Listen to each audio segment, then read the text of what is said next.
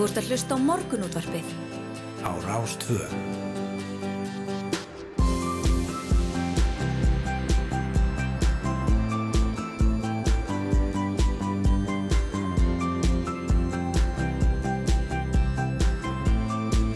Morgunútvarpið Á Rástvö.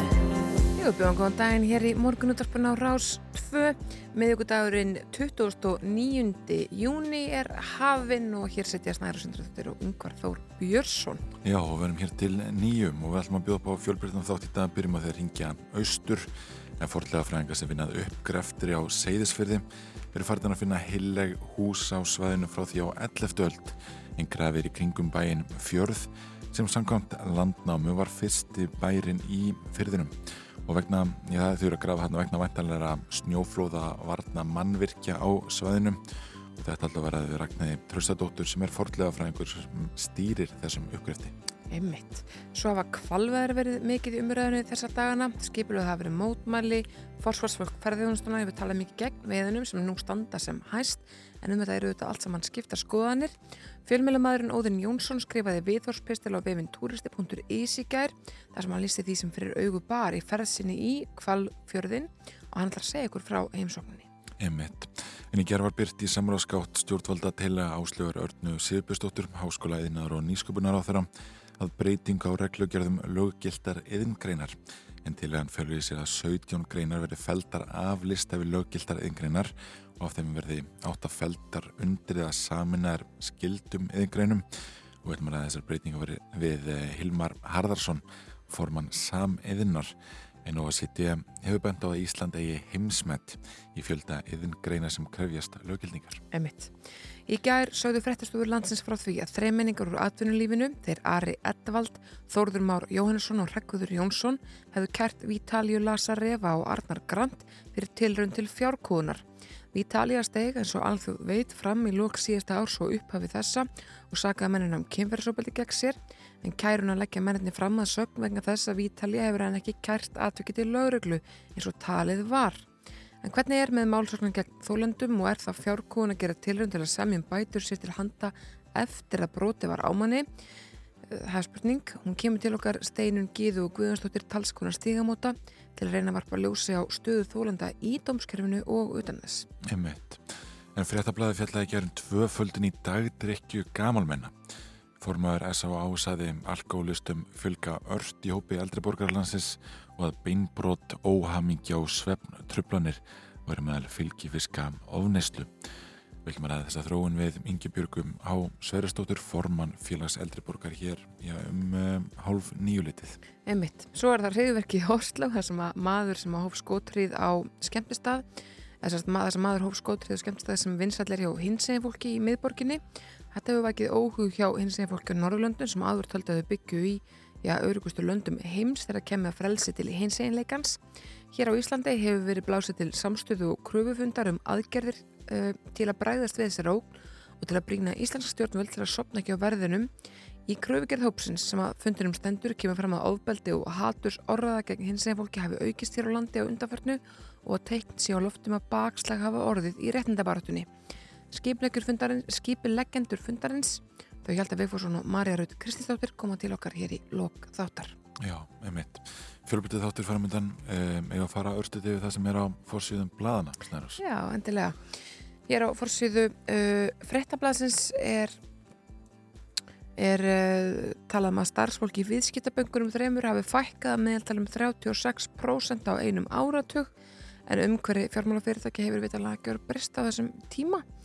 Uh, er uh, þessu fólki hefur fækkað um 1300 frá árunni 2011 en þá er ótalinn fækkun starfsmanna í öðrum fjármálafyrirtækjum heldur en þessum stóru viðskiptaböngum það er að segja Arjón Landsbankanum og Íslandsbankanum.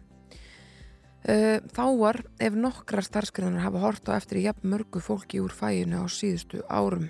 Í landsbankanum einum á síðast ári fækkaðum 100 manns. Mm -hmm. en hér er talað við Ara Skúlason forman samband starfsmanna í fjármálafyrirtækjum og hann segir að þetta sé einfallega alþjóðleg þróun. Kunin sé farin að taka við starfi bankafólks í meiri mæli. Það eru þetta gegnum alla heimabankana og já, þetta. Já, við þekkjum þetta. Við þekkjum þetta vel um, Hér á fórsíðum morgunblassins er mynd af fjölda ferðarfólk sem er stættur í Reynisfjöru og um, greint frá því að sé nú að því að koma upp viðvörunar kerfi með blikkljósum í fjörunni. Verkefnið er að fullu fjármagnað og byggist á tilum vegagerðarinnar sem voru tilbúinar fyrir rúmum tveimur árum. Þetta segi Skarpín Berg Steinarsson ferðamálastjóri í samtalið hérna við Morgunblæðið. Nú vinnuhópur á vegum ja, Þórdísar Kolbrunar Ríkvirar Gilvardóttur þá verðandi ferðamálar á þeirra vantilöðnar með verkefnið Randi Sandin eftir að ágreiningur skapaðist um útfæslu þess milli nokkura landeigenda á stjórnvalda. En nú hafa stjórnvald aftur á móti rækta nýju við þá landeigendur og hefur vinnuhópurinn í afturhafi störf sem útfærir tillögurnar og viðvörunar fánar verða settir upp auk blikk ljósa sem henni gefa ljósmerki þegar mest breym er í fjörunni. Ekki ljóskvort tilstendar að nýta lokunan heimildir í lögum og loka fjörunni þegar hún telst hættuleg. Og einmitt fjölmarkir ferðamenn voru reyns fyrir gerð þegar fréttaritri blassins kom þar við og nýtti þeir, já gott við öll að skoða þessu um eins og sjáum á hér á, á fórsíðunni Já, einmitt, gaman að þessu. En uh, það er líka gaman að segja fyrir því að uh, hér í höfburginni er glampandi sól 13 steg að hiti núna bara já, um sjölitið, þannig að hérna þau fyrir betur við veðrið. Eftir þá er myndin á fórsíðu fréttablasin sem verðist merkja það er sumar, þrátt fyrir allt. Það er hópur ungverskra ungmenna sem nauti veðublíðunar í alledali gær með íslenskum vinnu sínum. En ungverski hópurinn er á, hér á landi í vikulöngu Erasmusverkefni á vegum Árbæjar kirkju uh, og þau eru að stökka hérna í, í fossin í Indiánagili í alledali myrkilega skemmtileg mynd, það er ekki all allir að söndfötunum þar að segja svona að einhverjum einhver er kallt að bakkanum en, en það eru íslenski krakkar Bryndis, Eva og Holmgeir sem að uh, stukku í fósin og síndu ungarsku vinnum sínum hvernig á að gera þetta Nákvæmlega. hér á landi já, já. Nú hér á, á fórsni morgublansins er uh, líka rætt um þá stöðu sem upp er í alþjóðstórmálunum Tyrkland hefur gerð samkominlega við Svítjóð og Finnland um að ríkið mótmæli ekki aðeldur um svo þeirra að allarsansbandalæginu Finnland hafa einnig ákveðið að aflétta banni á vopnaflutning til eh, Tyrklands sem þau settu á eftir innrást tyrkneska hersins í Sýrland. Þetta kemur fram í samningi sem Ríkin 3 undirutuð í gær degi fyrir leittóafund NATO sem hefst í dag í Madrid á Spáni. En leittóar Finnlands og Svíþjóðar hittu um Erdogan Tyrklandsfósetta fyrir leittóafundin og náði samkómulega í kjölfarið. Erdogan hafði mótmælt aðeld Finnlands og Svíþjóðar að NATO og og saka ríkin um að skjóta skjólshúsi yfir kurdíska hermenn sem hafa átt í átökum við Tyrknesk stjórnvöld og ríki hafði á þessum sökum getað beitt neitunarvaldi sínu en eftir samkómulag leiðtóna sagði skrifstofa Erdogans en gengið hefði verið að óskum Tyrklands og við höfum rætt þetta um, tölvert í þessum þætti hér. Já, þetta voru stór tíðindi gerð þegar að uh, þetta komi ljós. Það er augljósta að það var raun og voru um, svíjar að finna lögðu allt í sölunar til þess að komast inn í NATO. Já, Þannig að þetta var, já, þetta var, þetta var svolítið forðanlegt. Maður bjóst í raun og veru við því að það er ekki gengið alveg svona langt til þess að mæta kröfum Tyrkja. En þeir einhvern veginn bara heldu þessu gíslingu og, og já, uppskáru með ríkulegum hætti. Við ætlum að fara að skipta yfir á fréttastofun að fá sjöfréttir fara sér betur yfir veður og færð eins og nefndir hérna á hann og síðan ringjum við austur til segisverðar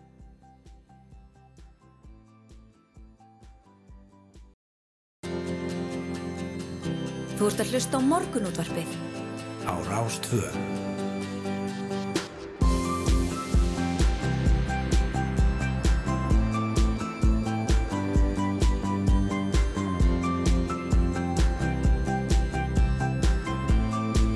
Morgunútvarpið. Á Rástvö Morgunútvarpið býður góðan dag miðjúkvæðdægin 29. júni Sjöfréttir að baki og það er Yngvar Þóru og Snjáru Sindradóttir sem ætla að sýta hérna með ykkur til klukkan nýju. Við erum bjóðum upp á, á fjölbyrðan þátt í dag eins og, eins og alla daga, getur við sagt. Já, heldur betur. Við ætlum að ræða forðlefa uppgröft á Seyðisfyrði. Við ætlum að uh, tala við Óðun Jónsson um upplifun hans af uh, kvalveðum eða stöðun, kvalstöðunni hérna í, í, í kvalferðinum. Svo ætlum við að ræða framtíð yðngreina uh, og löggildningar þeirra. Við ætlum að ræða málsokn gegn þólundum kynferðisofbeldis. Við ætlum að tala um tvöföldunni dagdrekju eldra fólks og svo ætlum við að ræða uh, samstöðufund vegna riðiverksins í Oslo. Emitt, við loðum því hérna aðan að við myndum fara betur yfir veðrið og við ætlum ekki að, að fara bak við það. En í dag verður veðrinu miskipt milli landsluta. Frá sunnaverðum vestfjörðum og söður að Myrdals jökli er útlitt fyrir að verði skíjað með köplum og sumstaðar líkur á síðdegi skúrum. Annar staðar verður skíjað mestu og fremur þókusælt einhver við ströndina en einskjandi er ringt um tíma austan til á landinu. Nú hittim yfirleitt 10 til 17 stygg þar sem sólar nýtur og alltaf 20 stygg þar sem best lætur en líklega verður það á Suðurlandi segir hér í hulöðungum viðfæðings en í þókuloftinu verður hittin á bílunum 7 til 14 stygg í dag. Æmitt. Uh, varðandi vegagerðanar yngur, það geti sagt er það að í gær fóru við skilmerkilega yfir þetta allt saman að það er malbyggað kalkopsvegi og ég veit ekki hvað og hvað samt tókst mér ekki bara eins og heldur tvísvar að lenda í algjörði teppu á sama stað þannig að það er spurningum að leggja vel og hlustir að þessu sinni. Uh, í kvöld verður fræst og malbygguð aðgerðin á Reykjanesbröðinu á milli Breiðholtsbröðar og Sæbröðar þá verður veginum lokað og hjáliðir mertar og þetta stendur yfir frá 7-7 í kvöld og nótt. Á Kjaranesi uh, maður búið tröflun á umferði kollafyrði í nótt og næstu nætur vegna vinnu við leiðara. Uh, og svo er það vestferðinir, það er ný klæning á veginum í Stingirsfyrði Drangsnesi og Þernuviki djúbunu var að við Stingkasti og uh, hjólakeppnin Arna Vestfjörds mm. uh, fer fram í dag miðugudaginn 29. júni á melli Ísafjörðar og Bjarnarfjörðar og það eru vegfæðundur beðurum að sína sérstakka aðgátt um, svo er eitt og annað, það er vegavinna fyrir norðan á Söðakróks Sauðarkróksbrautinni millir Birkilíður og Víkur í Skagaferði uh, og það er umferðarhæðin tekin aðeins niður. Álusferði er ennþá unnið að lagfæringu við Brimnes eins og uh, þau sem að eiga þar leiðum. Ég er vantalega með algjörlega hreinu þetta er búið að taka nokkra vikur. Já, já. Um, á Austurlandi er uh, nýklaðning af veginu millir reyðaferðar og alversins í reyðaferð fyrir þið og sem er leiðis undir grænafalli felli og þar er uh, varað við uh, bæði stengasti og reyndirum. Já, nákvæmlega.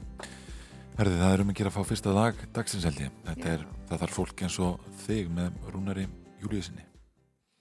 Það þarf fólk eins og þig fyrir fólk eins og mig frá bláa lónsböðum að myrstu sjávarstrand frá vel þekktum stöðum út í ókannuð land. Þarf fólk eins og þér fyrir fólk eins og mér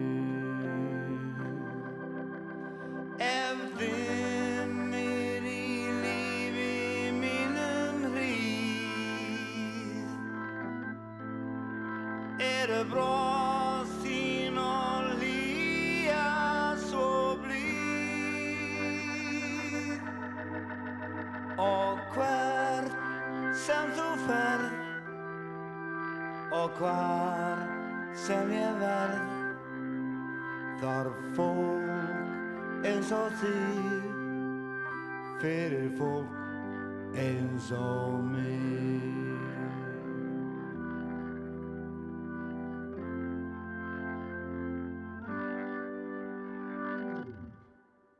Það þarf fólk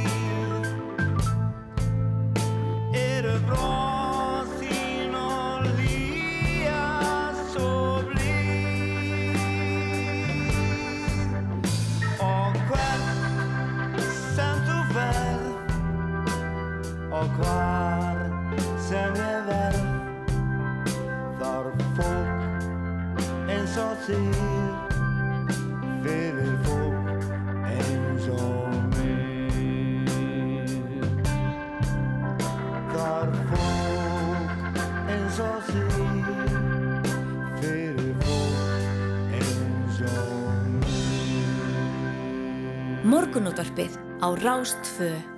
Alla virka daga frá 6.50 til 9.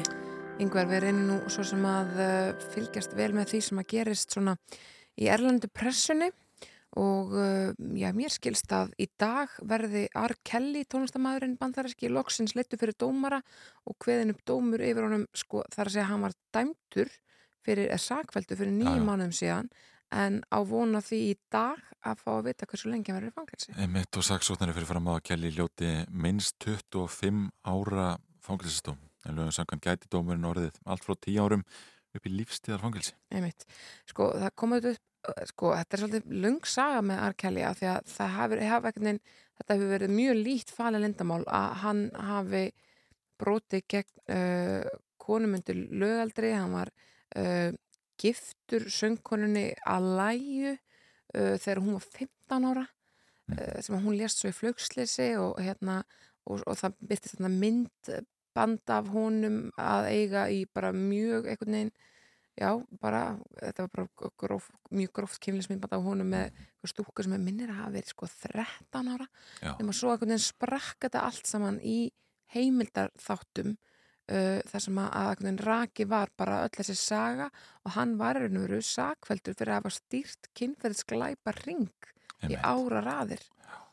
Já, þessi já. svona gospel söngvari sem hann er hann gerði I Believe I Can Fly og öll þessi lög. Já, já, einmitt svona, hérna, var einhver stærsta stjarnar R&B tónlistar bara í- um síðust 100% aldamót. A- Ég 100% held að okkar gíslu þekkir svolítið fyrir hérna Trap in the Closet eh, Nei. eh, þessi myndbönd þarna í, í 33 liðum ok, ég þekki hann ekki fyrir það. Ég þekki hann fyrir hann Ignition lagið. Já, hérna þú veist, í, í, maður getur ég, jú, ég mér ámar það en, en ég meina, hann, það má eiginlega segja að bæði, að sko, að það koma svipum tíma. Þættinir um hann annars vegar og um Michael Jackson hins vegar uh, hérna Leaving Neverland eða Finding Neverland eða hvað er hétu uh, og, uh, sko það var eiginlega út af þessum málum sem Spotify tók upp þannig að fítus á, á uh, í appinu eða á vefsveginni sinni Mhm. að það er hægt að loka fyrir ákvæmna tónlistamenn þeir byrtast ekki lengur í uh, sko spílarunum eða Já, einmitt. koma ekkert upp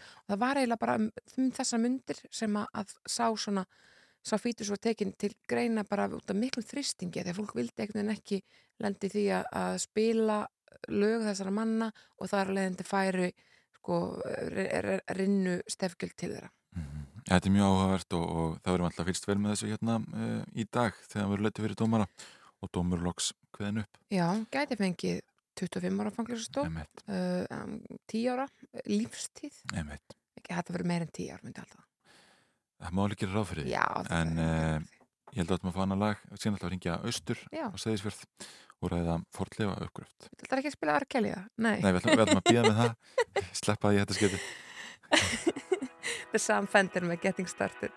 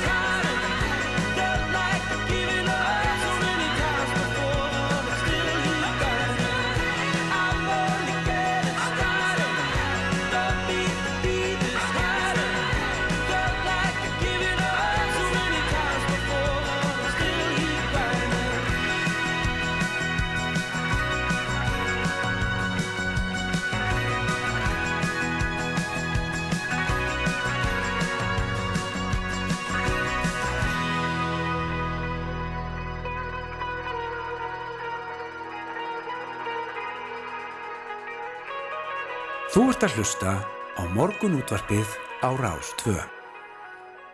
Jújú, morgunútarbið heldur hér áfram en forðlefa fræðingar sem vinnaði uppgrefti á Seyðisfyrði eru farnar að finna heileg hús á svæðinu e, frá því á 11. öld en e, Ragnar Tröstadóttir forðlefa fræðingur sem stýrir uppgreftinum er komin á línuna, góðan daginn Góðan daginn. Þarna er verið að vinna við einhvers konar snjóflóða varna mannvirki og, og, og þeir að grafa þarna samlega e, hvað eru þið nákvæmlega búin að finna? Já, það sem er að koma í ljós núna undan skriðu sem fjall 1150 eru bara heiliði veggir og ég veit ekki alveg hvað er komið mörg mannvirki eða hús en, en allavega sínist okkur að vera þrjú sem við erum fann að sjá og, og hérna bara ótrúlega vel varvettir veggir. Skriðan hefur fallið uh, upp að þeim, uh, ekki, ekki yfir þau og meðfram veggjum er svona skriði fram, fram hjá þeim og, og við erum nú búin að vera minna veitanum þrjárvíkur tekið svolítið tíma að móka allir skriði bustu með bæði stórum vélum og, og hérna, skóplum en það sem bara við erum að sjá er ótrúlega merkilegt og já, ég bara held ekki ég ekki sé svo þetta áður að hérna svona vel varvitt að veggi frá þessum tíma en við hefum eftir að grafi heila mánu þannig að mannverkin er eftir að koma svona betur fram þetta er bara mjög, mjög áhugavert Hefur alltaf til leiði ljóst fyrir að það hafi verið uh, byggð í seðisferði frá uh, þessum tíma, 11. öld? Já, það, sko, náttúrulega heimildir segja frá því að landnámsmaðurinn eh, Bjólfur frá Vossi Norri hafi hérna sestaði í fyrði, uh, þannig að fjörður er landnámsbærin. Uh, 1998 voru, 99 voru gerð forkönnun og þá vissu við það er bæjarhóllarna stór uh, að það væri minnir alveg aftur á, á tíundöld. Uh, við erum ekki grafið sjálfum bæjarhólnum heldur í túnunu fyrir utan og, og við sannreindum það 2020 að það væru Uh, gamlar minjar á svæðinu og hérna og svo í fyrra þá enduðum uppgrætta árið á því að finna kumlateig, uh, fjóra grafi frá uh, tíundöld þannig að við náttúrulega komum alveg með þá að fullisu að þarna væri mjög gamla byggð að ræða og kumlin eru bara um 70 metrum frá þessum minni sem við erum að grafi í dag. Já, já, já. það var svo sem algjörlega óvænt að, að hérna, við áttum alls ekki vonað að finna hérna kumlategi fyrir en hann fannst undir, undir þessari skriðu frá sem fjall 1150 þannig að hérna. En er hægt að leiða þig líkum sko að það hefur fólk en það búið í bænum þegar að skriðan fjall eða, eða var þetta orðið eitthvað sko eðibíli hérna á þessum tímapunkti? Sko, við, við vitum það ekki ennþá, en, en það, sko, það sem er ofta bæjastæðum að bæjirnir eru að flytjast aðeins til á svæðinu. Þegar menn byggja sér ný hús, þá hérna kannski færa menn það eitthvað aðeins til. Uh, og þannig myndast svona bæjarhólar. Þessi hús sem við erum að grafa núna eru aðeins fyrir utan sko þennan sjálfa bæjarhól. Þannig að hérna... Uh, kannski hafa menn búið í því en þó þegar skriðan fjall og fært húsin ég Bara, við vitum það bara ekki ennþá, en við sjáum samt að skriðan hefur uh, tekið einhver hús með sér sem hafa leigið ofar í, í hlýðinni. Við fundum þannig eitt torveg sem var bara svona svo lítil eiga í þessari skriðu. Mm. En það er alveg ljóst að skriðan þegar hún hefur hérna fallið, hún hefur uh, verið fann að hæja á sig þegar hún kemur hérna alveg niður undir byggðina sko, allavega þessi skriða. Mm. Við erum alltaf búin að finna aðra skriðu sem fjallin 1400 og við sjáum að hún hefur nú líka kannski tekið eitthvað með sér hérna í sjálfu túninu. Hún er aðeins, aðeins sunnar en þessi en þetta eru tvær mjög umfámsmikla skriðu sem hafa fallið á, á byggðinu hérna á 1150 og 1400. Já, einmitt. Og það er ekkit útlökað að þetta sé bara hérna mannabið sem Bjólfur sjálfur eh, bjói og afkomundur hans? Já.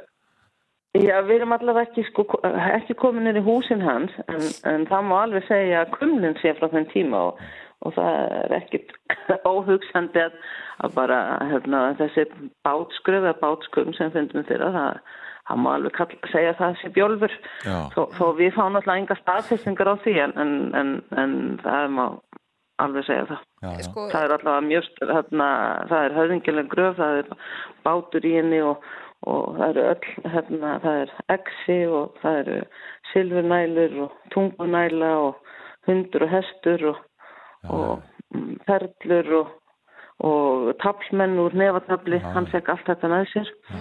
Og við erum náttúrulega enn að vinna úr þeim gögnum, við erum náttúrulega vorum að grafa þetta hanga til í, í óttoberi fyrra.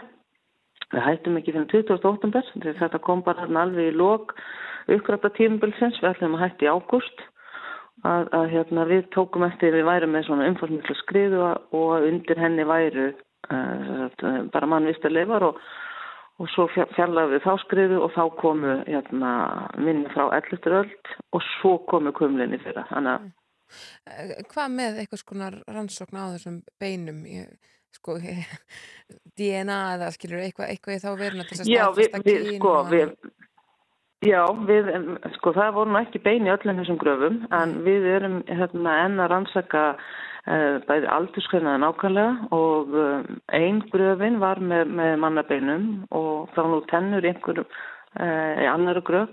Við munum taka strómtíðingreiningar, DNA-greiningar og C14 en það tekur bara uh, hérna, forðlega rannsóknir er langklöpun ekki sprettlut þannig að við erum enn að vinna úr gögnum og hérna, verðum bara fram á næsta vetur að gera það uh, því, því að það fyrsta sem við kláruðum var að, að gera skýslu um, um hérna, millu, við grófum upp líka millu í fyrra frá, frá 1800 til 1875, við grófum upp fjárhús og við grófum upp bæjastæði frá 1700 til 1900 við, við vorum hérna, þetta var 20 manna hérna, lið sem var hérna allt síðasta sumar. Já, já. og ég er með og ég er með annan eins hóp núna þannig að þetta er, það umfanns mikið að öll er ekki ennþá komið Það var þannig á tíma að það var búið upp á leiðsögn um svæðið, uppgráttasvæðið. Er það enn í gangi? Já, já, við erum alltaf með leiðsum að förstum klukkan tvö og verðum með það í allt sumar og, og gerðum það líka síðastu sumar. Og hérna, ég var nú líka með fyrirlestur hérna niður í Seyðisfirði í gerkvöldi og ég ætla nú kannski að endur taka það í ágúst þegar að þessu uppgráta sumri er, er lokið að, að svona kynna helstu niðurstöður fyrir hérna Östurland þannig að Já, við, við reynum að miðla eins og við getum á meðan að rannsókninni stendur. Og það er alveg sínt sér, það er bara mikill áhugi, við fáum uh, alltaf fólk á föstundi sem hann kemur og, og margi fylgdist með okkur allt sumarið, Já. mættu aftur og aftur, Já, alla fyrst þetta. Kannski rétt í lokin já, Ragnar föstu. og talar um uppgráttar sumarið hvenar líkur því? Hvenar eru þú kallið veðri til þess að standa í þessu? Sko, við, við stefnum með miðjan ágúst, en ég sagði nú í fyrra að ég ætla að hætta líka 20. og 5. ágúst, en ég var til 20. oktober, svo hérna var það kannski að svona, já, sjá til. En ég vona það að við náum að klára þetta meðan ágúst. Og hérna, við erum alltaf búin að opna svo stórt svæði, þannig við höfum betri yfirsýn og við náttúrulega lærðum heilmikið á þessar skriði fyrra. Ég meina ekki okkar hafði 8 á gráði 2020 að þetta væri ekki forsöguleg skriða, þess að fyrir landnám heldur skriða frá, frá hérna, niður í 12 öld. En nú hefur við svona betri kontroll á, á skriðunum og, og þá ætti við að geta kláraði meðan, meðan ágúst. Einmitt. Ragnar Drausadóttir, forðlega frá einhver, takk fyrir að vera á línunni hjá okkur í morgun. Já, takk sem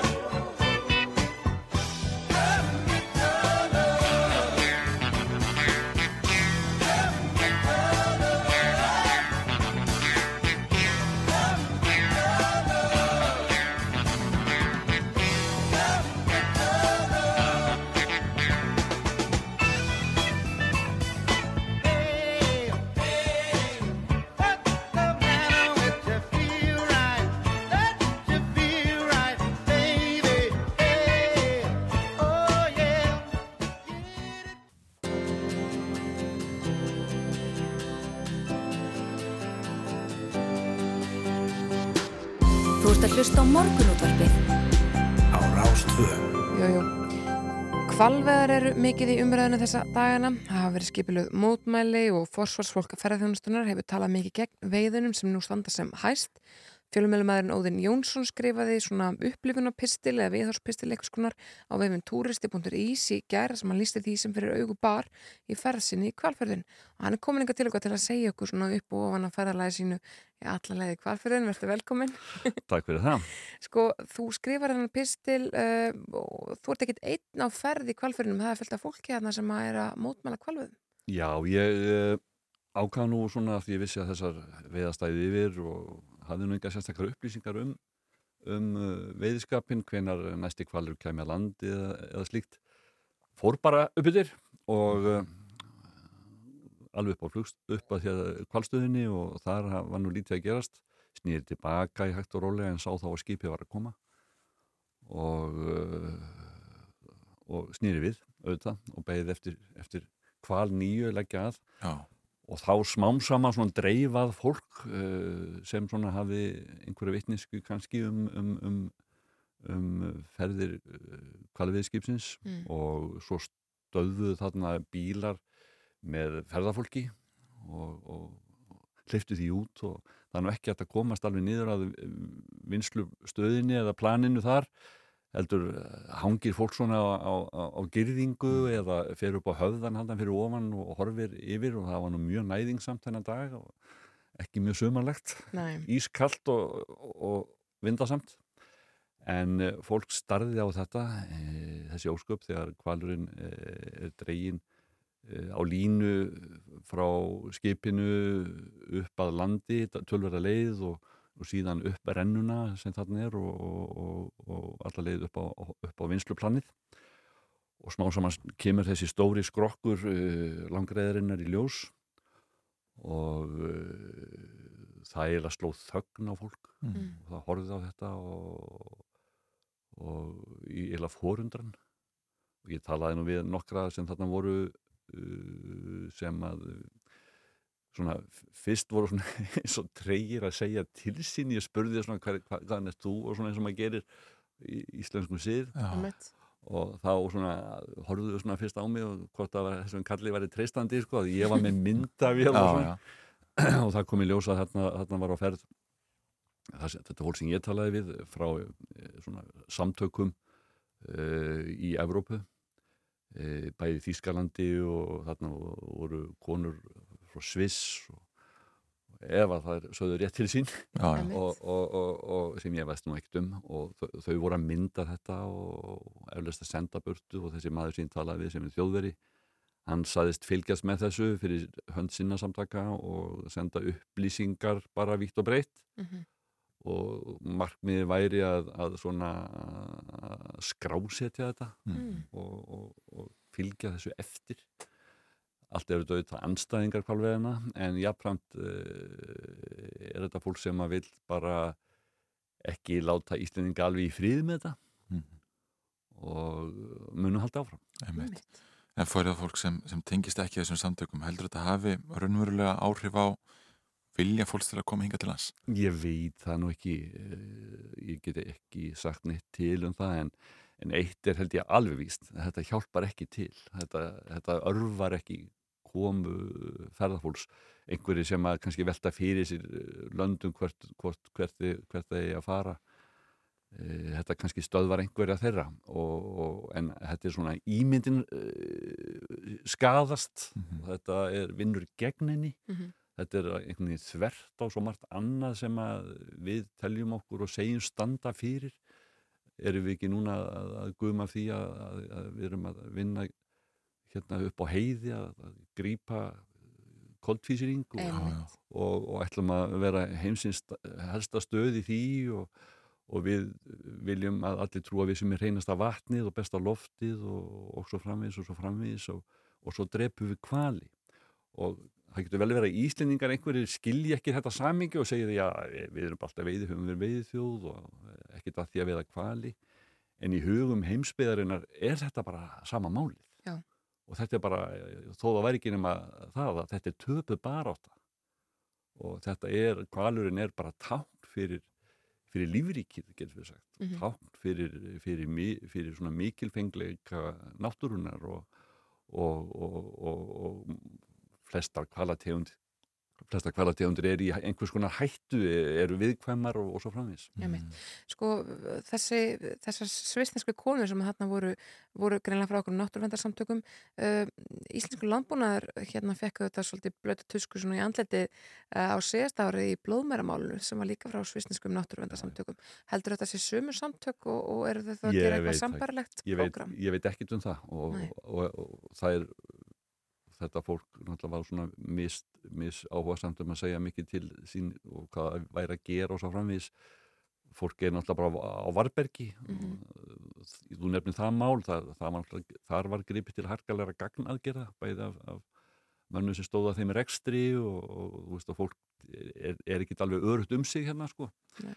og uh, það er auðvitað uh, augljóst af að kvalur uh, svona, þetta er fyrir taugarnarmönu þar og uh, fólki er haldið frá og eðlilega auðvitað vil ég ekki að, að ferðamenn fari alveg inn á, á vinsluplan Mhm. en það var nú samt fullt af fólki þar svona einhverju aðstæðendur og einhverjir, einhverjir sérstaklega gestir sem fylgdust með þessu.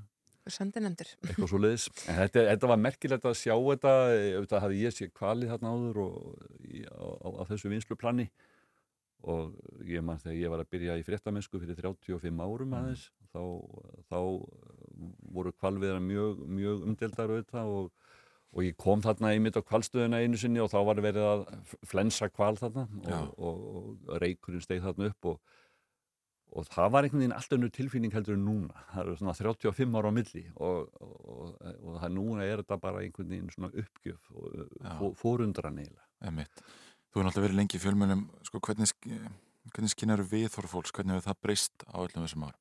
Það hefur breyst gríðarlega mikið eiginlega bara gjör breyst og fyrir 35 árum þá eh, held ég að flestir hafi trúa því að þetta væri bara góðu business, þetta væri atvinnuvegur sem ætti, ætti rétt á sér og, og hvalurinn var að geta, geta undan fi- fiskistofnunum sem við tristum á og svo framvegis og, og margir hlust og það, það voru margir, margir anstæðingar hvalviða líka komni til sögunar og letu til sín aldeilis heyra hvalveiði bátum hvals var sögt í, hér í Reykjavíkur höfn uh, 1987 sem var náttúrulega harkalega aðgerð og vakti gríðarlega aðtegli Mhm.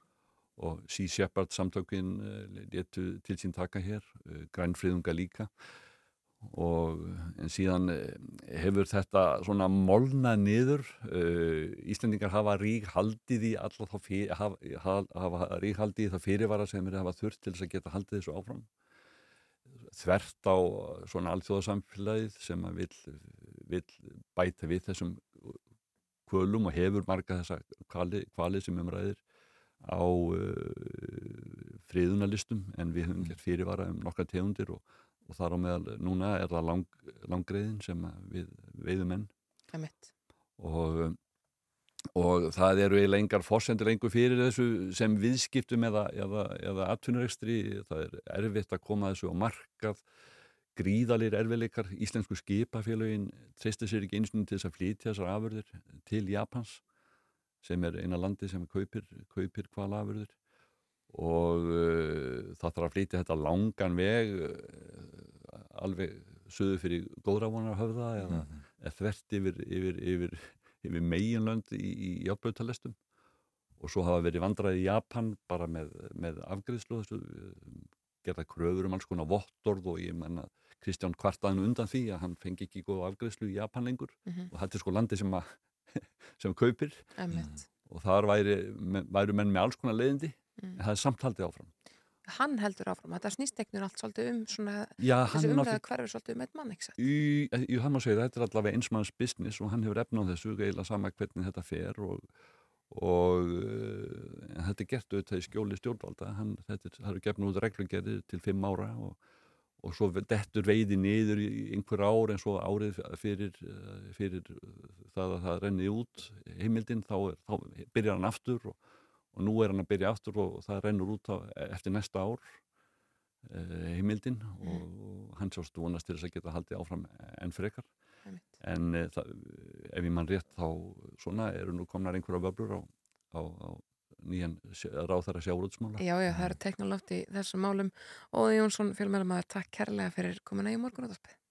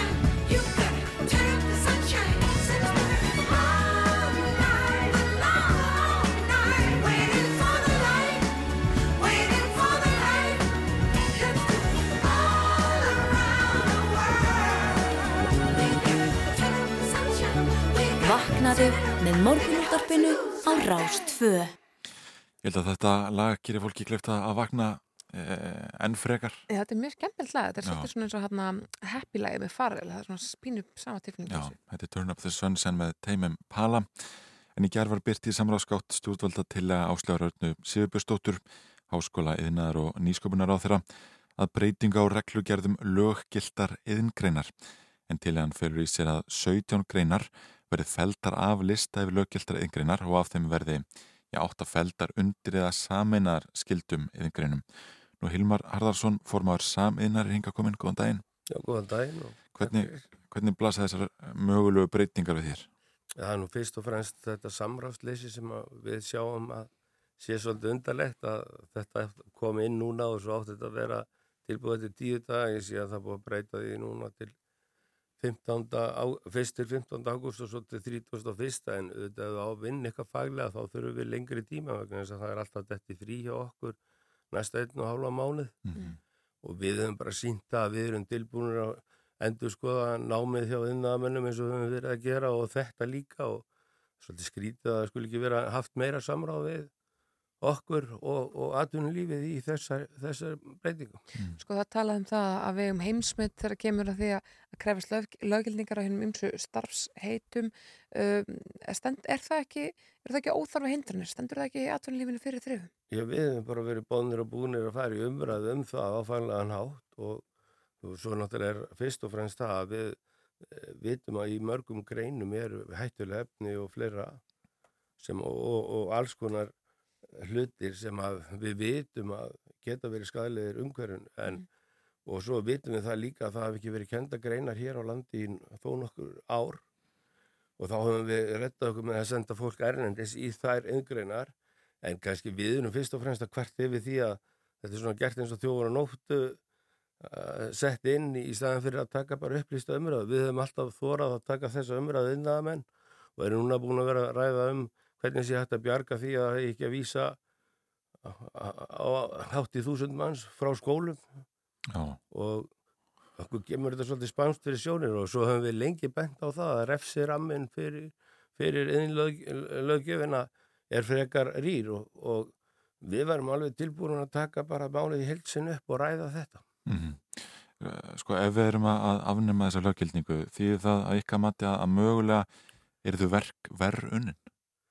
Ég sko, löggildingin gerir það að verkum að, að, að þó, þó er ábyrð á, frá viðkomandi mistar á verkinu og mér sýnist nú ekki veita því til dæmis með, með mörg, mörg, mikið af þessum húsum og húsnaði sem er í dag og við höfum ymmit verið að gaggrina frekar þá það að það fúskara sér velun eða í staðan fyrir að- að- að að- að laga ref- refsi ramman en aðalatriði finnst mér vera að setjast bara málefnanlega yfir þetta og ræða þetta vegna þess að við gerum okkur grein fyrir því að okkar greinar er ekkit ódöðlega frekar en aðra greinar og auðvitað þarf að ræða það og breyta hlutunum en að sjálfsögða á að gera það í samráðu við okkur. Hvaða greinar eru það helst sem að uh, já, væru viðkamar fyrir því að löggilding er afnumin og, og hvað, hvaða greinar eru það sem myndu svona alveg þóla það? Sko ég held að það sé bara mjög marga greinar sem að þóla það ekki. Já.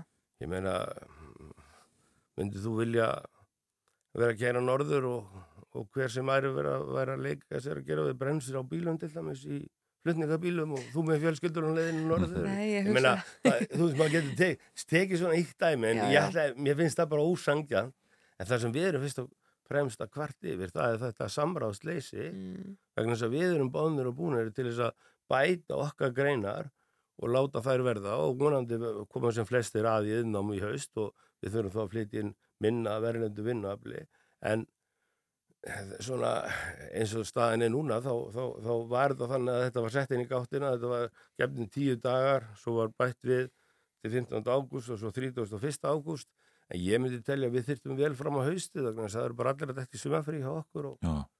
En þa- þannig til að myndi vera að gera breytingar á, á greinum sem hefur ekkert verið útskrifað úr hér á landi í einhver tíma. Já, sumar þeirra er, eru þannig og, og, og ég, við, erum bara alveg saman það, það, það þarf bara að sittast yfir þetta og fara yfir og skoða þetta en svo er alltaf vitna þess og, og þessi DS skýslu Mhm. hún fjallaði fyrst og fremst um ferla í mannverkjagerð og svo framvegis og framvegis en það breyti því ekki að við erum alveg tilbúin að taka þessa umræðu en hún þarf bara að vera málefnanleg Mhm. En er bagalegt fyrir samkjöfnishæfni Íslands að við séum með heimsmetið í þessu? Já, sko, ef við erum með heimsmet þá þurfum við bara að laga það og við, við erum tilbúin að fara í þá vinnu en, en ég held að það sé engin, engin sem skaðist að því að sumar að þessu greinar að við löggildingar vegna þess að það hefur kannski ekki verið mikið út, útskrifað úr þeim en, en aðalmálið er það að við viljum bara fá málefnilega umræðu um þetta Mhm. Og fá að koma að málinu Já, já, og svo höfum við lengi bent á að refsiraminni í lögjöfinni er frekar ír já. Hvað tekur við hjá ykkur núna þá í sumar og í haust? Ætlaði að funda með áslöðurnu? Já, við erum náttúrulega erum bara, erum bara að gera núna umsögn og, og, og, og förum vantarlega óskum fram á lengri frest. Ég gerir ráð fyrir að auðvitað manna samfélagið upp á stórhöða, gerir það saman og svo ger ég bara ráð fyrir að atvinnlífið þessi og fleiri gerir slíkt þið sama en, en aðalega þar sem okkur finnst skrítið er það að við séum ekki teknir í upplýsta umræðu og, og við fáum að ræða málið á vitrannan hátt. Nákvæmlega. Hilmar Harðarsson, formaður Samiðnar, takk fyrir að kíkja til okkur í morgunúndarpið. Hér eftir skamma stund uh, sest niður hjá okkur Steinun Gíða og Guðjóns, Gíðu og Guðjónsdóttur. Hún er uh, talskona stígamóta og vil maður ræða við hana um málsóknina gegn uh, Vítalíu Lazareva Já, og Arnari Grant sem að uh, greintu frá fréttum í ger. Nákvæmlega, síðan ætlum við hér að, að ræða ja, tvöföldun í dagdrykju eldri borgara og um, Og slá svo bátnan í þetta með uh, kröfu og samstöðufundi í tengslu við hriðjverkin í Oslo sem að búið er að búða til. En fyrst smá David Bowie því að ég var var aldrei ná að því.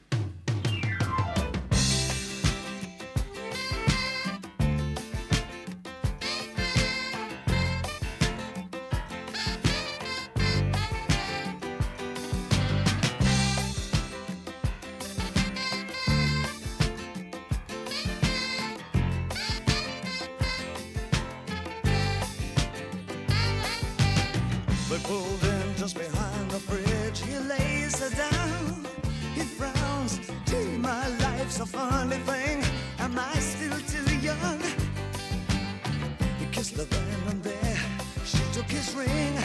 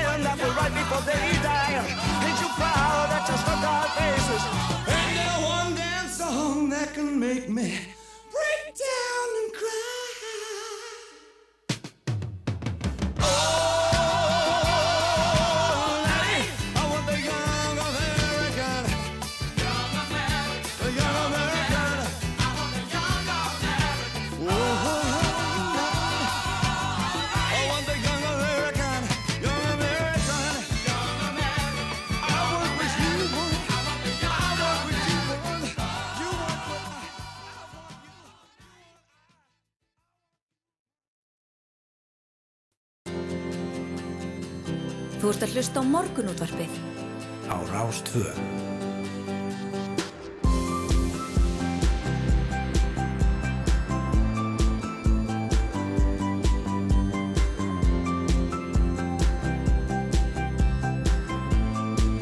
Morgunútvarpið Á Rástfö.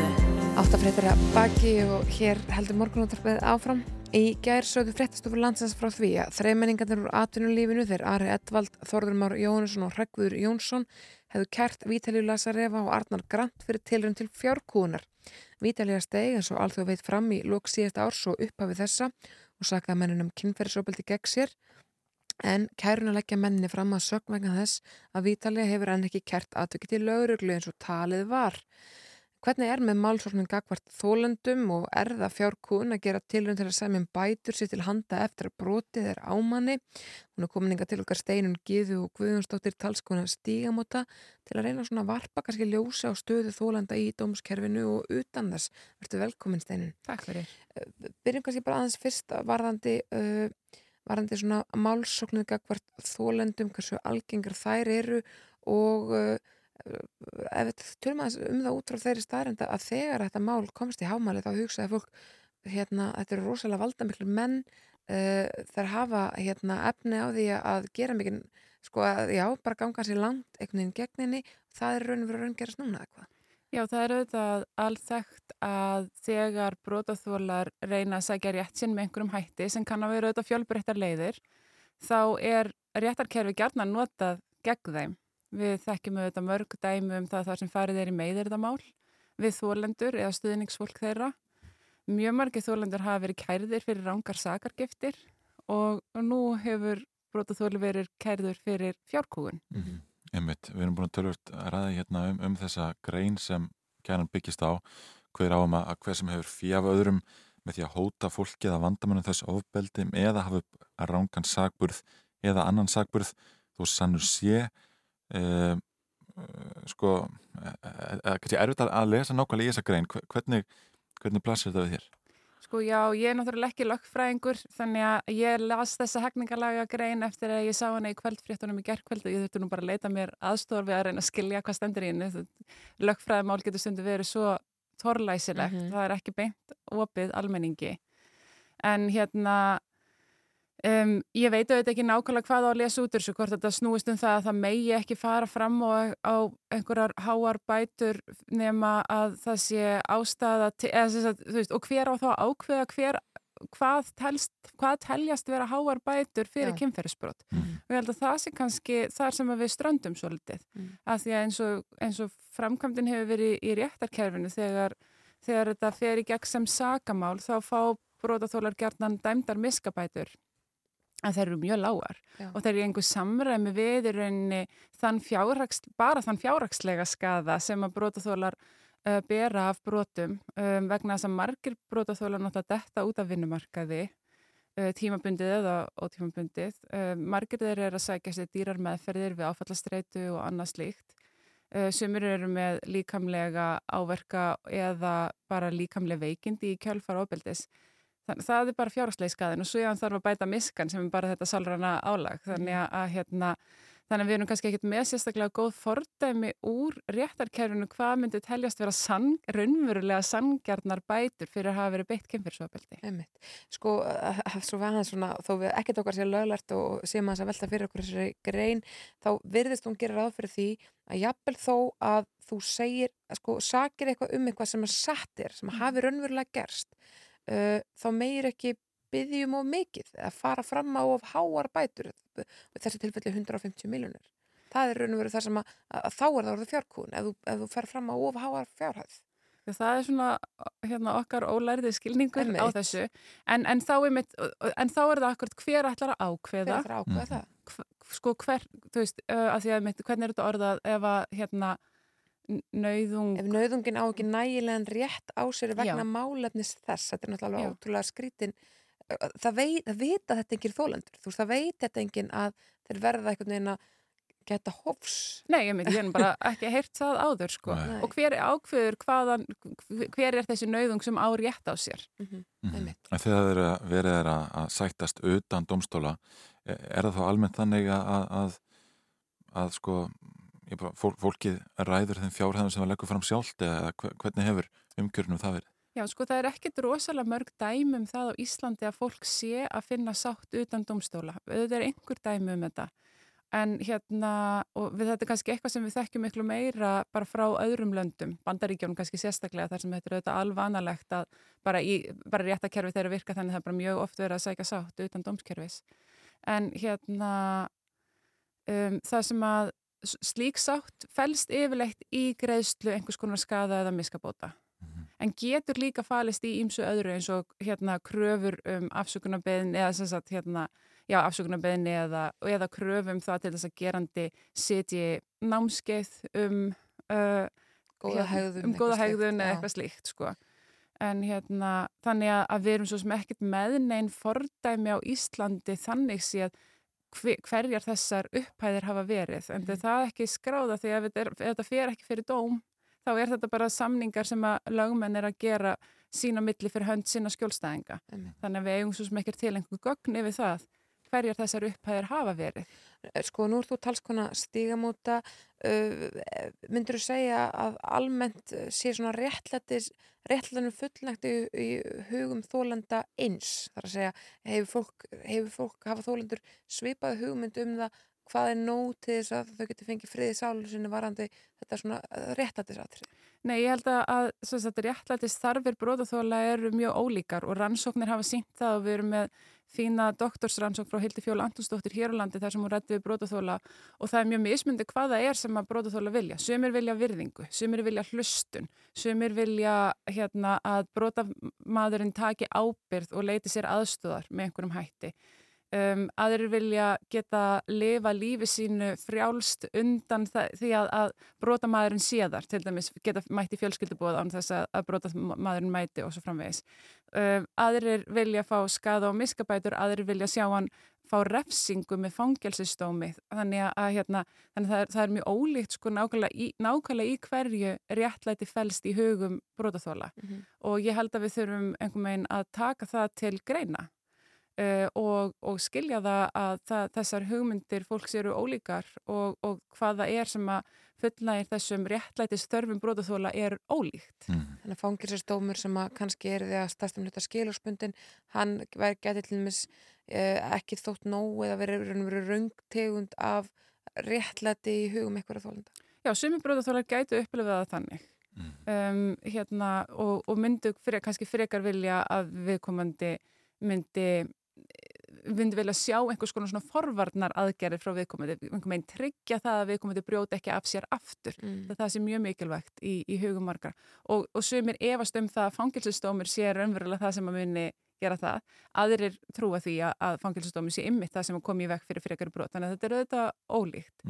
En uh, við veitum auðvitað líka það að, að réttarkerfið uh, og eru auðvitað að bregðast. Brotaþólum kynfyrsopildis í stórum stíl Um, þetta eru kringum 13% uh, nöðgunarkæra sem að enda með sakfellingardómi. Það eru auðvitað skelvilega lágt hlutfall, þannig að brotaþólar vita það auðvitað að með því að fara inn í þetta hefðbundna sakamála réttarkerfi að það er mjög ólíklegt að þau fái sínum réttlæti störfum fullnægt þar. Mm, Þannig að, og þess vegna er skiljanlegt að fólki leiti annara leiða sem geta ímist verið þetta að semja við við geranda um skadabætur utan kerfis eða fara inn í einhverjar aðrar svona uppbyggilegt réttvísi. Þú veist það er sem að, að hérna sagbortning eða brota maðurinn gerandin uh, tekur einhvers konar ábyrð á brotum sínum. Mhm. Mm Einmitt, en við tölum við það að það sé kannski ekki, sé ekki mörg fordæmi fyrir sættir utan domstóla hér á landi sem við kannski vitum af. Eh, þannig að þetta máli kannski einhverju leiti já, einstakt.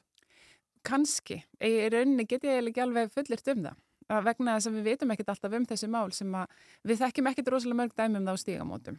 En, hérna, en svo getur líka bara vel verið að við heyrum ekki endilega af þessu málum. Mhm. en þetta mál hefur auðvitað verið mjög ábyrjandi í umræðinni og hérna, já. Svo leið að fara fyrir fólk sem að er brotið er á uh, það má ætla það að hún sko ef að það takast á einhvers konar samningar þar sem að, að samningur hlýtur að fela í sér að, að, hérna, að það sé eitthvað svona viðurkenningabrótunu sko á hinumendanum að, að það viðkomandi segja jú það sem gerðist þetta var ekki lægi og það er svona skal ég borga þér í gegnum mína lögfræðinga. Þess að það má það að svona leið myndi taka stittir tíma heldur en að fara gegnum dómskerfið ekki satt Jú, uh, jú, að sjálfsögðu. Já, ég held, að, ég held að þessi viðurkenning sé nánast alltaf það sem að brotaþólanir er að sækast eftir. Já. Þau vilja fá viðurkenning á því að það hafi verið brotið á þeim og þau sé ekki ruggluð og geðveik og hérna með rámkvömyndar eins, eins og samfélagið er svo gjarnan að reyna að segja þeim. Mhm. um, það auðvitað að semja um svona utan dómstólar klárlega hérna, tekur stittri tíma vegna þess að réttakerfið okkur við vitum hvernig hérna, sakamála réttakerfið er, það tekur eitt til eitt og hálft ári rannsókn hjá lauruglu, svipað í saksókn um, og, og við vitum alveg að það er líka langur tími hjá dómstólum að býða eftir að fara engaréttarleiðina Mm. sem er það þegar þú stefnur einhverjum og, og fyrir skadabætur. Þannig að, að þetta er vissulega tekur styttri tíma að gera þetta svona. En býðu kannski hættinu heima, það munir ekki eitthvað svona, eitthvað svona frumskólamál á, á þessa markaða?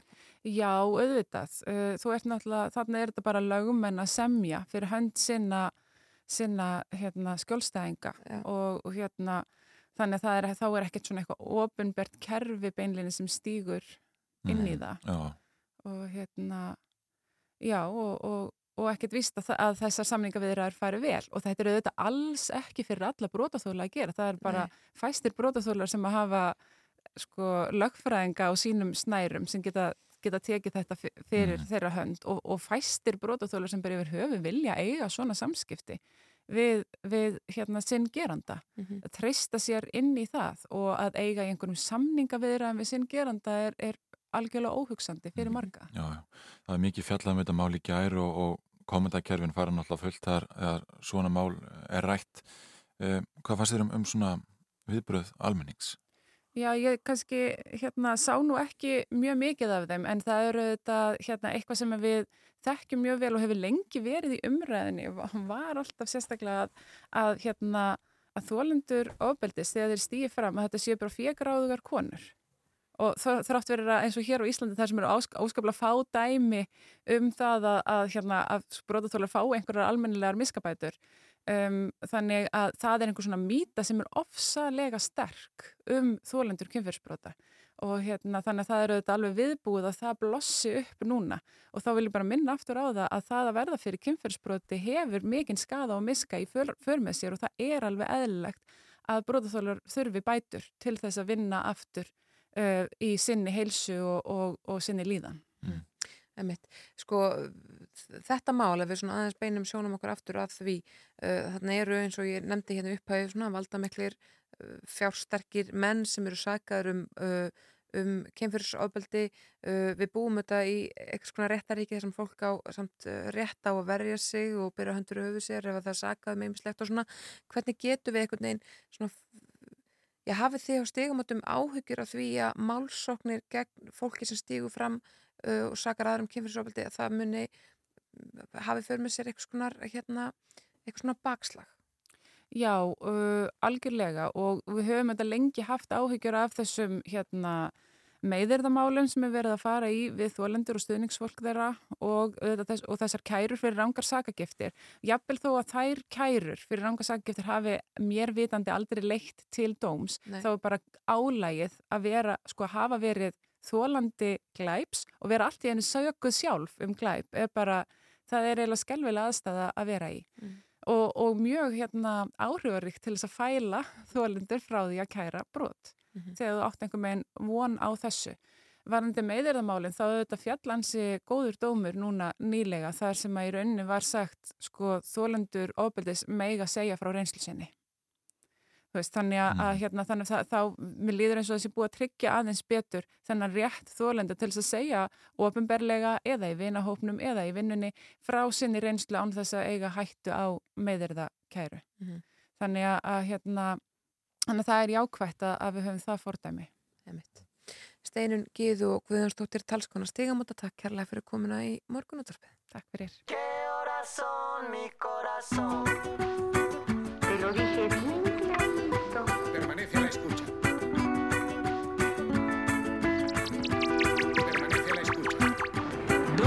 La noche en La Habana, Cuba. 11 de la noche en San Salvador, El Salvador. 11 de la noche en Managua, Nicaragua. Me gustan los aviones, me gustas tú. Me gusta viajar, me gustas tú.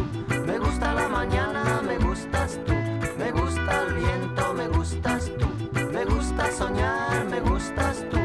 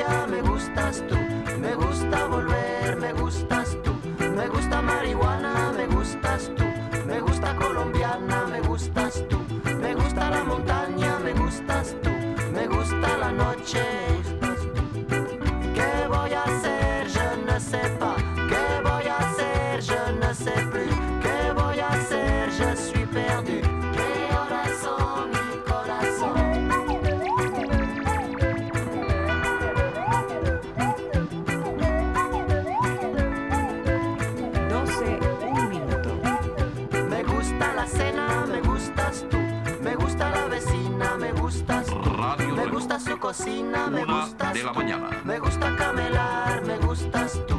Me gusta la guitarra, me gustas tú. Me gusta el reggae, me gustas tú. ¿Qué voy a hacer? Je ne sais pas. ¿Qué voy a hacer? Je ne sais plus. ¿Qué voy a hacer? Je suis perdu. ¿Qué horas son mi corazón? Me gusta la canela, me gustas tú. Me gusta el fuego, me gustas tú. Me gusta tú. Me gusta la coruña,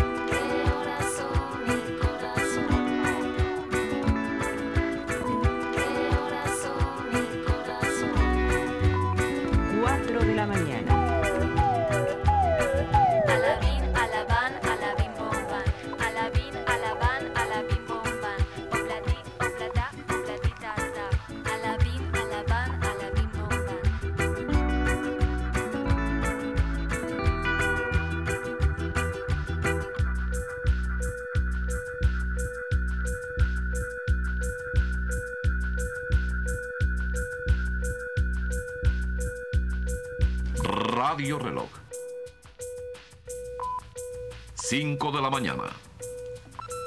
No todo lo que es oro brilla. E Morgunútvarpið infalível. alla virka daga til nýju á Rás 2. Það fyrir að líða að frétta af liti núna klukkan hálf nýju en við erum eftir að ræða margt og mikið í þætti dagsins fréttablaði fjallaði gerum tvöföldin í dagdrykju gamalmenna eh, og formaður S.A.A. saði alkoholistum fjölga ört í hópi eldri borgara landsins.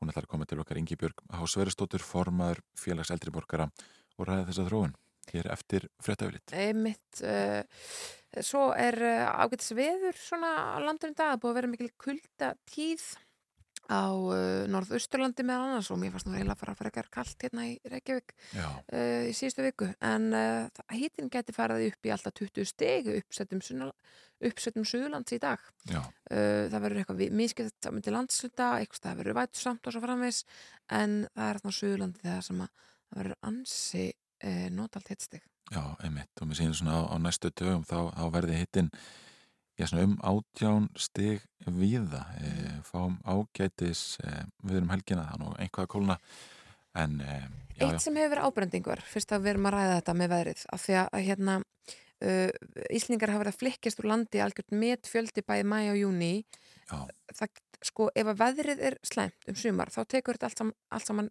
mikinn kipp, oft svona júli ágúst, þá er fólk bara búið að fá nóg að býða mhm. og drífur sig út til Tenerife eða hvert sem fer, bara einhvern nær miðbúð það er spurning hvort að við fáum enn frekari fólksflótta einhvern veginn Já. núna þegar að þetta veðrið er búin að vera svona, svona þú veist, með já, já. lakara móti þegar fólk getur ekki að fara í norður í hittan þá getur það verið lausnin að að henda sér sögur til Tenerife. Nákvæmlega, þannig að það verður gaman að fylgjast með tíðindum af þessum uh, svona um, upp á miðjum júli þá að það vera ljóskort að fólk sé bara að bara, já, spenna á sig hérna, ferða töskuna, sko. Já, já, ef við þurfum að skipta yfir á fréttastofuna og komum síðan hér aftur með um, eldri borgara.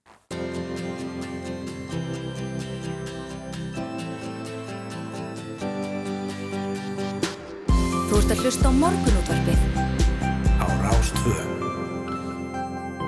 Fréttablaði fjallaði gærum tvöföldin í dagdrykkjum eldri borgara en formaður SRH saði alkálistum fjölga ört í hópi eldri borgara landsins. Um, Ingibjörg Hásveristóttir, formaður félags eldri borgara er hinga komin góðan daginn. Góðan daginn. Hva, hvað skýrir þessa þróun heldur? Já, það er nú bara ekki gott að segja. Ég er nú svo sem engin sérfræðingur í því en hérna, mér finnst þetta bara mjög dabburt að eh, heyra það að að uh, þetta, að það sé svona mikil fjölgun. Mhm. Reyndar eru fjölgun eldri borgara inn á hérna í þessum hópi þannig að ég veit ekki hvort það verið tekið tillit til þess í útrenningum á, á prostatölum sko. Já. En, en hérna það er vissilega mjög daburt að, að, að það skulle vera aukning. Einmitt. Sko það talaðum í þessari grein í frettablaðinu að um, ja, beinbrot, óhamingja, söptrublanir séu með þeirra fylgifiskla sem að, að já, já, eru fylgifiskar ofnislu áfengis. Um, þessi hópur auðvitað sérstaklega viðkamur þegar kemur að bæði söpni og svo, og svo hérna, beinunum. Uh, uh, fáið þið inn á eitthvað borð slík mál, það sem þið sjáu bara já, óhamingju og slís algeng hjá eldri borgur. Nei, við fáum það nú ekki inn á borð hjá okkur. Við erum eh, hérna uh, hagsmunafélag og við komum að sjálfsögðu ekki neitt nálægt þessu. Það er frekar þá að uh, já, þeir sem að hérna eins og um, Reykjavíkuborg velferðarsvið sem að er að sinna uh, eldri borgurum heima við og þeir sem að hérna það eru um, alltaf einhver hópur sem að er er eh, verið að sinna þar bæði varðandi eftirfylgni á Lífjögjöf og alls konar heimilis hjálp, þrýf og annað. Það er þá frekar það fólk sem að verður vart eh, við, við sagt, þetta sem að tekið fram hérna sko. En uh, hérna, og, en það er mjög erfitt uh, allavega telja, já, fyrir það, þá aðalega að vera að halda einhverja tölfræði utan um það því að þetta er náttúrulega persónu upplýsingar sko. Og þetta er mjög vand með hérna farið. En varðandi tölfræði um þetta það er þá helst á hérna, já, bráðamáttökunum, slísastofum og annað þegar fólk eh, endar þar sem að verður fyrir einhverju byltum og öðru slíku. Já. en en það sapnast þá upp væntalega hjá landlækni Mhm. en hjá okkur eh, þá eh, það er ekkert svona við höldum ekkert utanum Nei. það Nei, þar nei. En fórmaður S.A. nefndi hérna í gæra að fólk á vinnumarkaðsaldri njóti ákveðins aðhalds af vinnunni. Fólk þurfa að halda sér í lægi, vakna á mótnan á þetta í, í sæmilu standi til vinnu og við starfslokk geti skapast hætta eh, hjá ekki síst þeim sem átti vanda með áfengi áður. Eh, einhvern veginn þegar, þegar eh, það aðhaldir ekki. Eh, þarf einhvern veginn að taka betur utan með þennan hóp sem er einmitt að, að búin að vera að vinna og hefur allt í nú bara allan daginn til að gera það sem það vill gera. Í, já, það mætti kannski skoða þetta nánar eða herða þetta eitthvað. Ég veit að það eru mörg fyrirtæki sérlega þau stærri, þau halda alls konar starfslokkanámskeið og í- það er bara mjög nöðslega að fólk uh, bara undibúi sig uh, fyrir það að, að það er komið á starfslokum eða þau sé, sé á nálgast þannig að fólk uh, átti sig á því að að það þurfi að búa, undirbúa sig og vera með ykkur áhugamál og, og, og hérna fara að sinna einhverjum eh, slíkum málum að sé tilbúið með eitthvað sko. Og það er mikil fjölbreytni eh, til sem hægt er að hérna að líta til ef eh, fólk fyrir í golf, fólk fyrir í fjallgöngur og svona bara fyrir eftir eh, hressleika hvers og eins en, en bara til þess að lenda ekki í já, bara svona, já, einmannaleika og, og vera í vandræðum hvernig á að eða tímanum Já.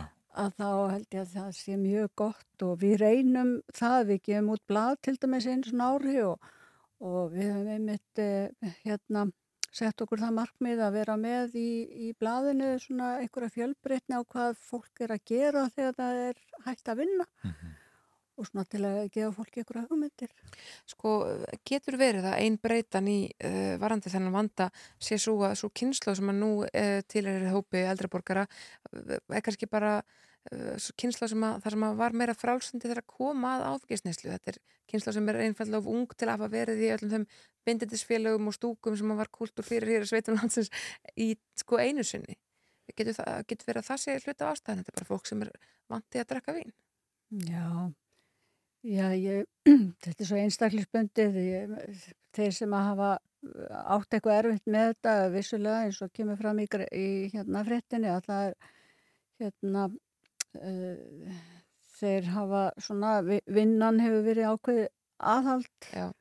og uh, það eru þarna úti einstaklingar sem að eru veikari fyrir þessu en, en aðrir og þetta er bara, já, sjúkdómur sem að er bara alveg gríðilega er, erfið, erfiður Já, einmitt. og, og mjög falinn. Það er svo erfitt að hérna, þú verður að vilja sjálfur eh, sem sagt fá einhverja einhver hjálp. Einhverja hjálp. Já. Einmitt, og nefnið það einmitt formar þess á að, að, að það sé hálfgerð tabu að ræði þessi mál heldur þessi meira tabu fyrir um, þennan þjófélagshóp en, en yngri einstaklinga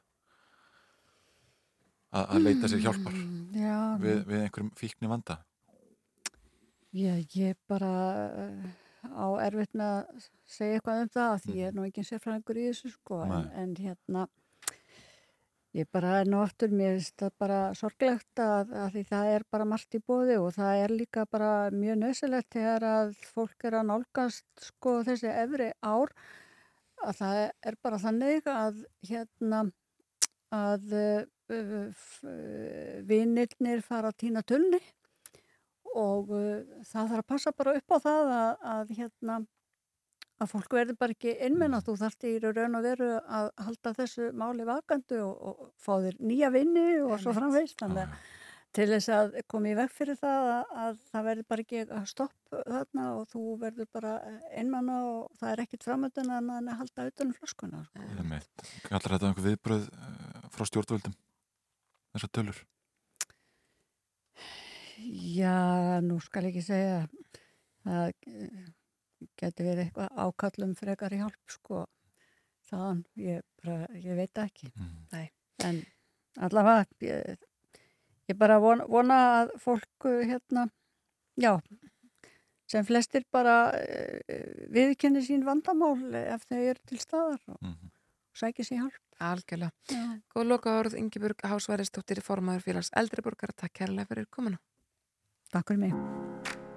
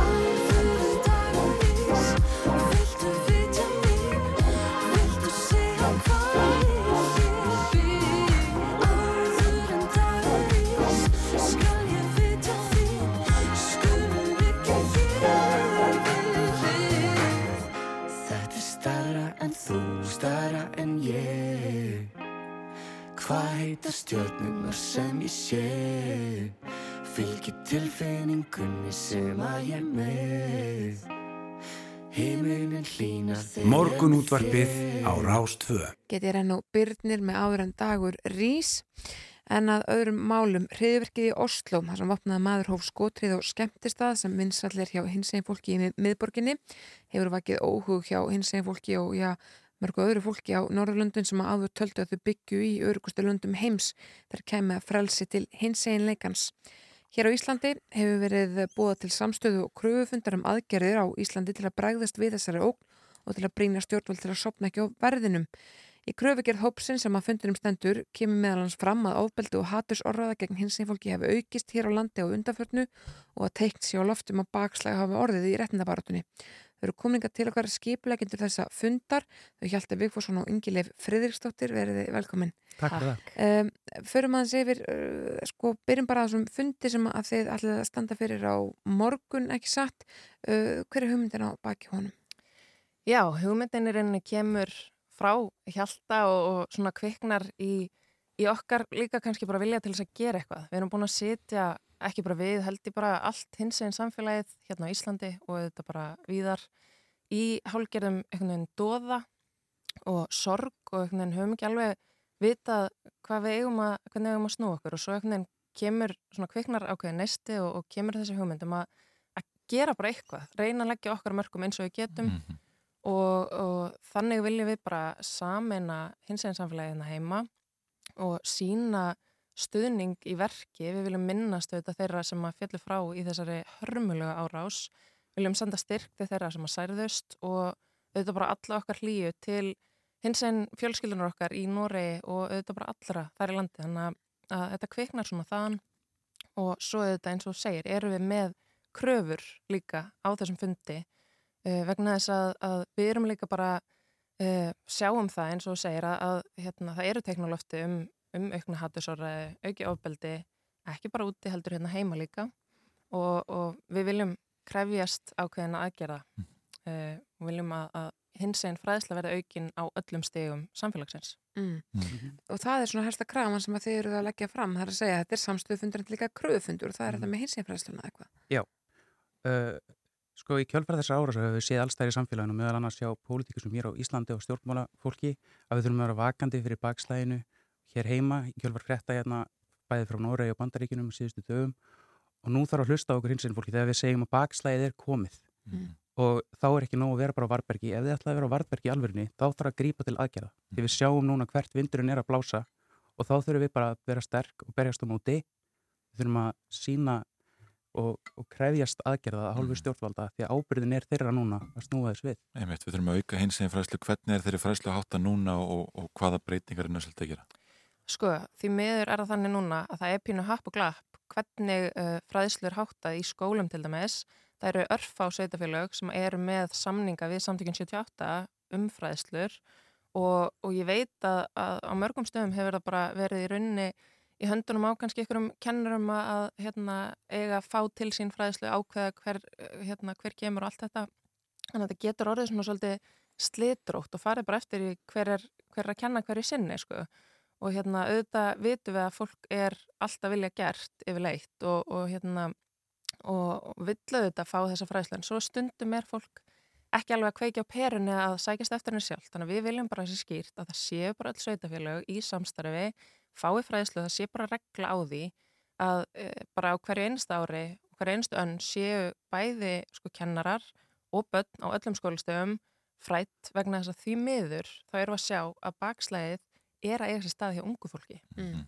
Og þetta er eitthvað sem að ég kannski bjóst ekki við að geti verið að gerast. Nú eru við Marja, kona mín við stofnum fræðsluðþangin hins einleikan, erum búin að vera að fræða síðustu sex árin og við erum að sjá breytingu núna bara á síðasta svona árinu og við einhvern veginn heldum bara að verum komin lengra, við vorum að segja bara fyrir svona tveimur árum síðan bara já, nú þurfum við ekki að vera fræða lengur, þau eru bara alveg með þetta, þau eru komin langt fram á okkur þessi krakkar.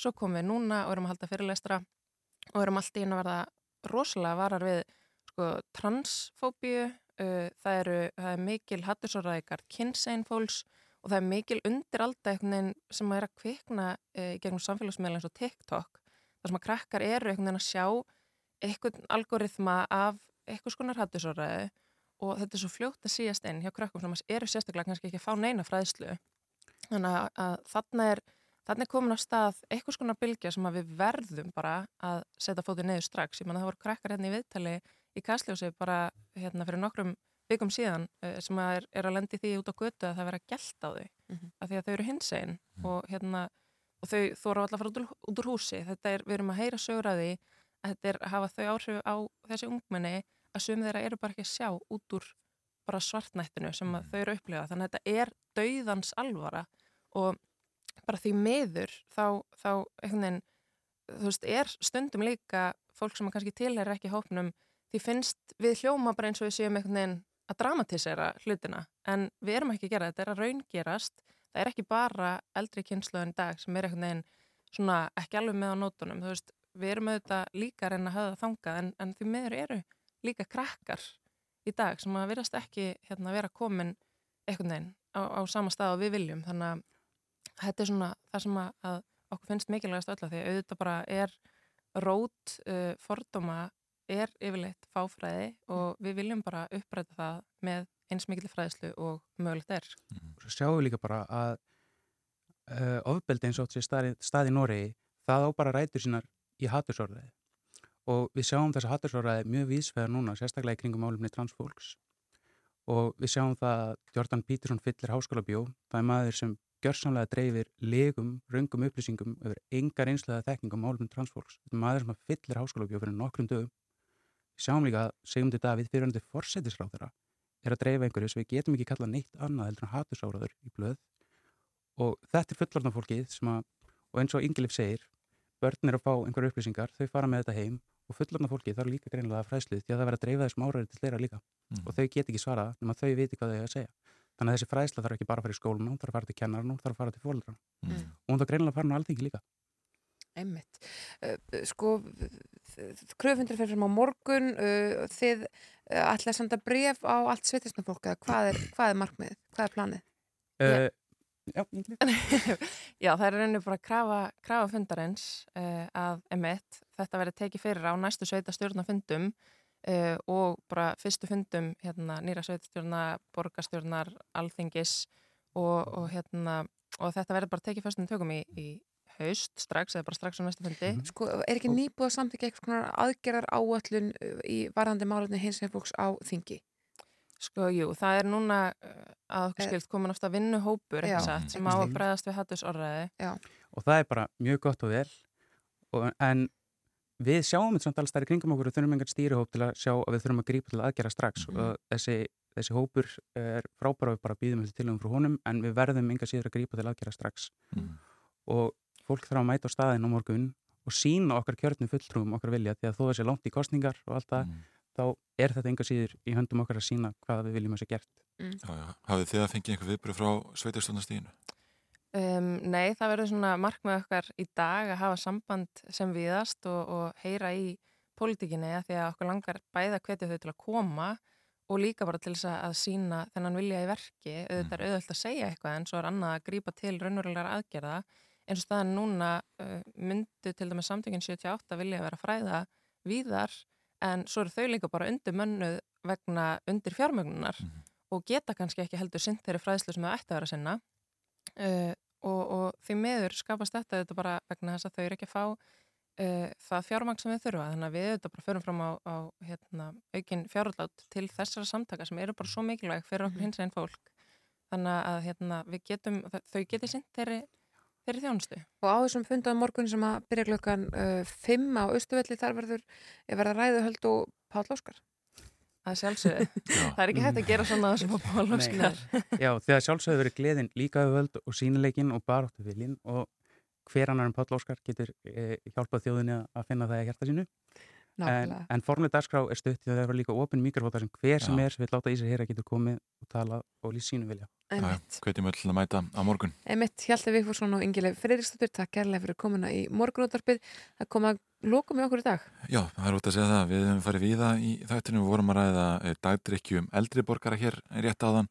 Síðan rættu við um um löggildar eðingreinar sem við hefum heimsmeti við Íslendingar. Já, við rættum líka uh, málsóknina gegn Vítalíu Lasareva og Arnari Grant og töluðum um kvalveðar uh, og svona upplifun uh, fjölmjölumarsins Óðins Jónssonar af því að vera vitna að því þegar kvalvar dreina landi í kvalferði á dögunum. Já, já, og síðan byrjuðum við á Seyðisfyrði þar sem uppgröftur hefur sínt mannabið frá 11. öld. En við þakkum fyrir okkur í dag þar er þetta nálgast allt okkar efni á rúf.is. Já, og við lökum til að vera með ykkur á morgun.